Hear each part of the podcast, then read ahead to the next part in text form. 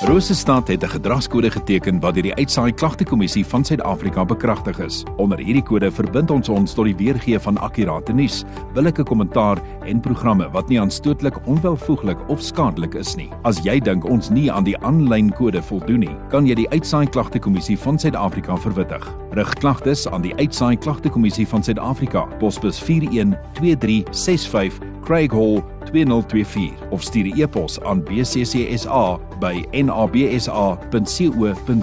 Vir verdere inligting, besoek www.bccsa.co.za. Tyd vir oggendgodsdiens op 100.6 FM. Nathalie kuier hier die hele week al by ons, Dominee Wimpie Raad van die Evangelies Gereformeerde Kerk. Dominee, welkom op hierdie donderdag. Baie dankie en dankie vir elkeen wat so mooi inskakel en saam met ons deel. Ons gaan voort met Lukas 19 vers 10. En as ons slag geluister daar en ek het laat vir ons gebid, dan delf ons verder in die woord.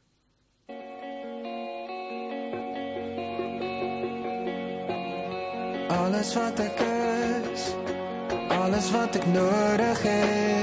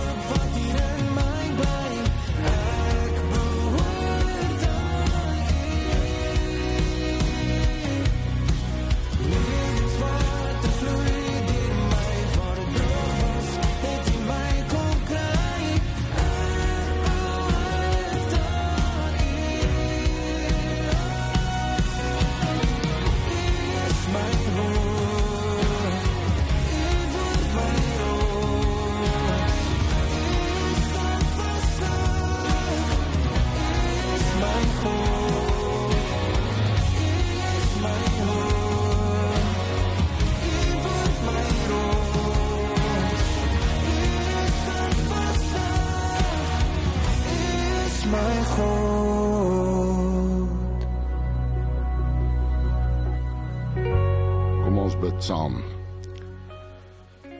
Here, dankie vir die kosbare voorreg om introspeksie te kan doen. Om ons te kom meet aan u woord. En om ons eie geestelike toerusting te kom verryk om ook bruikbaar vir u te kan wees. Dankie vir hierdie wonderlike leerskool, hierdie geleentheid om ons ook geestelik te kan verryk. Kom nou vanmôre en by hierdie kosbare geleentheid en elkeen wat inskakel en kom breek hierdie kosbaarheid vir ons oop. Amen. Nou ons teks is Lukas 19 vers 10 waar die Here Jesus sê die seun van die mens het gekom om te soek en te red wat verlore is. En die drie belangrike woorde hier is soek, red en verlore. Ons fokus op die verlorenheid. En ek wil graag vanmôre met jou deel oor 'n deel van verlorenheid wat nie altyd lekker op die oor val nie. En wat soms baie vinnig die nekhare laat rys. Maar hier kom hy, dan kyk ons hoe reageer jy daarop. Hoe klink daai ene vir jou? Gelowig, maar verlore. Ek wil graag dit met jou deel vanmôre uit die woord. Gelowige mense, goeie mense, maar verlore. Ons het nou vroeër in die week na verskillende aspekte van verlorenheid gekyk en vanmôre wil ek graag met jou 'n paar verse daaroor deel. So net so vir 'n vertrekpunt, daar's geweldig baie wat hierdie saak beskryf. Jy ken ons nou die gedeelte van Nikodemus wat na die Here Jesus toe gekom het en gevra het oor die ewige lewe en hoe om dit te kry. En die Here Jesus het vir hom gesê: "Jy's 'n leraar van Israel en jy weet hierdie dinge nie." Dink maar aan al die gesprekke van die Fariseërs en die Sadduseërs. En die Here Jesus wat by geleentheid vir goedgelowige mense na verwys het as wit gepleisterde grafte.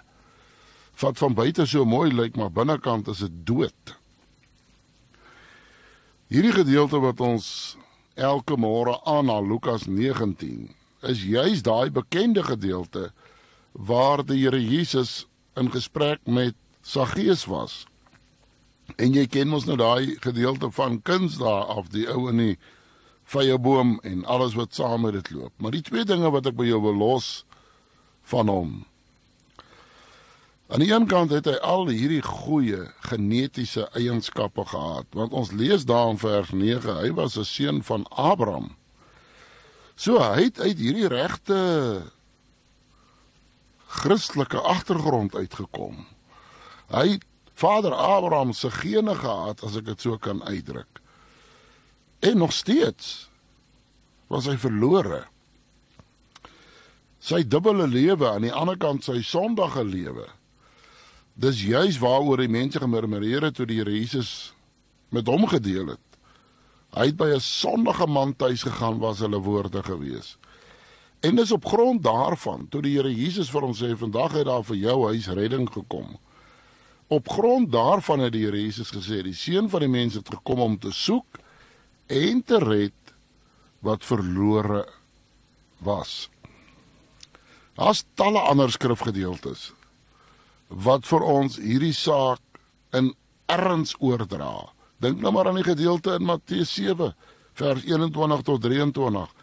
Daar word al hierdie goeie goed genoem wat hulle gedoen het. En dan sê die Here, nie elkeen wat my sê Here, Here sal ingaan in die koninkryk van die hemele nie, maar hy wat die wil doen vir my Vader wat in die hemele is. En dan verduidelik hy dit. Baie sal vir my sê, het ek nie in u naam geprofeteer en duiwels uitgedryf en kragtig gedoen? goeie dinge, mooi dinge gedoen. Maar die Here Jesus wat dieper as die oppervlak kyk, sê in vers 23 en ek sal vir hulle sê ek het jou nooit geken nie. Jy dalk gemaak of jy my ken, maar ek het jou nie geken nie. Gaan weg van my. En dan hierdie ernstige woorde, julle wat die ongeregtigheid werk. So daar's talle voorbeelde van gelowiges wat nie iets van God ontken het nie. Maar hulle het nie sekerheid van saligheid nie. In Johannes 8 is die Here Jesus in 'n baie lang gesprek met die Jode.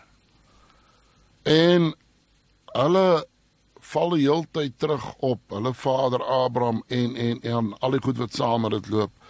En by geleentheid sê hulle vir hom, maar hy kan nie ouer wees as hulle vader Abraham nie. En hier kom die Here Jesus en hy spreek hierdie mense aan. Abraham se kinders.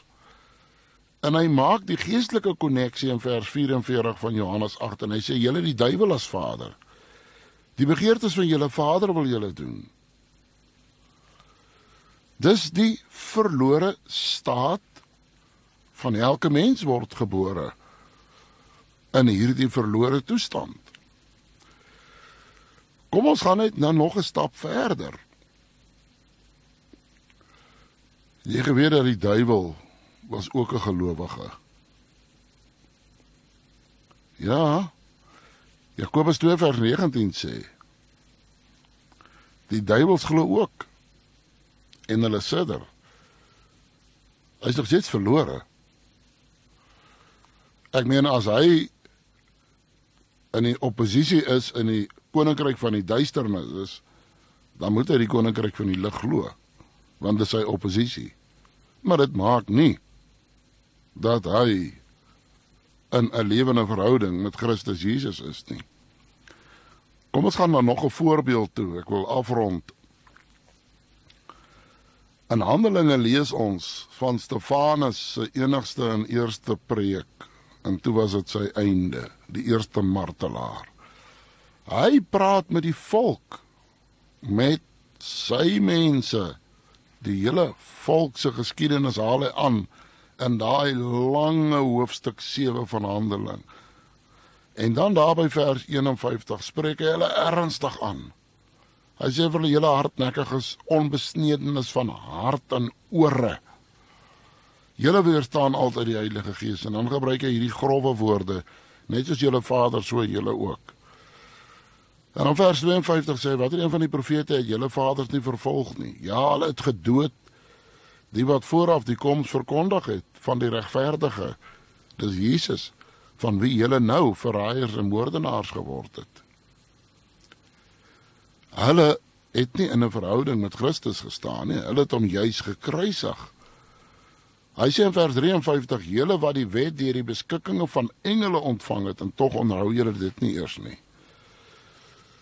So al het julle nou hierdie goeie geskiedenis van volk en al hierdie dinge staan julle nie in 'n lewende verhouding met Christus nie.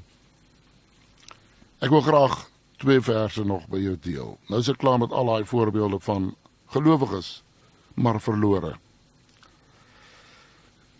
1 Korintiërs 2 vers 14 gee vir ons baie baie duidelike lig. Hy sê die natuurlike mens, hierdie normale staat waarin ons gebore is, neem die dinge van die gees van God nie aan nie want is vir hom dwaasheid. Ons het nou al baie teksverse in die week daaroor gehanteer. En dan sê hy kan dit nie verstaan nie want dit word geestelik beoordeel. So ons het hierdie twee pole.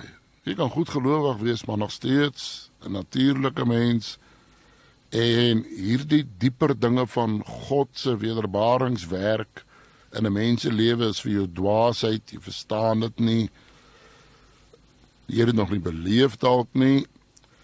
Dit word geestelik beoordeel. En dit bring ons nou na die punt toe waarby ek graag môreoggend wil stil staan. Hierdie soekende heiland wat kom soek na verlorenes. Hy het na sy eiendom gekom. Sy eie mense het hom nie aangeneem nie. sê Johannes 1, maar almal wat hom aangeneem het aan hulle het hy mag gegee om kinders van God te word. Hierdie goedgelowige mense het hom verwerp. Hulle het hom gekruisig. Maar dit het hom nie weerhou om verlorenes op te soek om vir hulle te red, om vir hulle sekerheid te gee nie. Môreoggend gaan ons daaroor deel. Kom ons bid. Here, dankie vir hierdie werklikheid van u woord. En dat ons ook self ondersoek moet doen. Praat ons godsdiens of staan ons in 'n lewende verhouding en is ons lewe 'n spontane getuie van die groot werk wat U in ons binneste gedoen het. Dankie dat ons onsself hieraan kan meet. Dankie dat elke kind van God om hierdeur kan verryk om ook met iemand anderste die kosbaarheid van U woord te kan deel. Amen.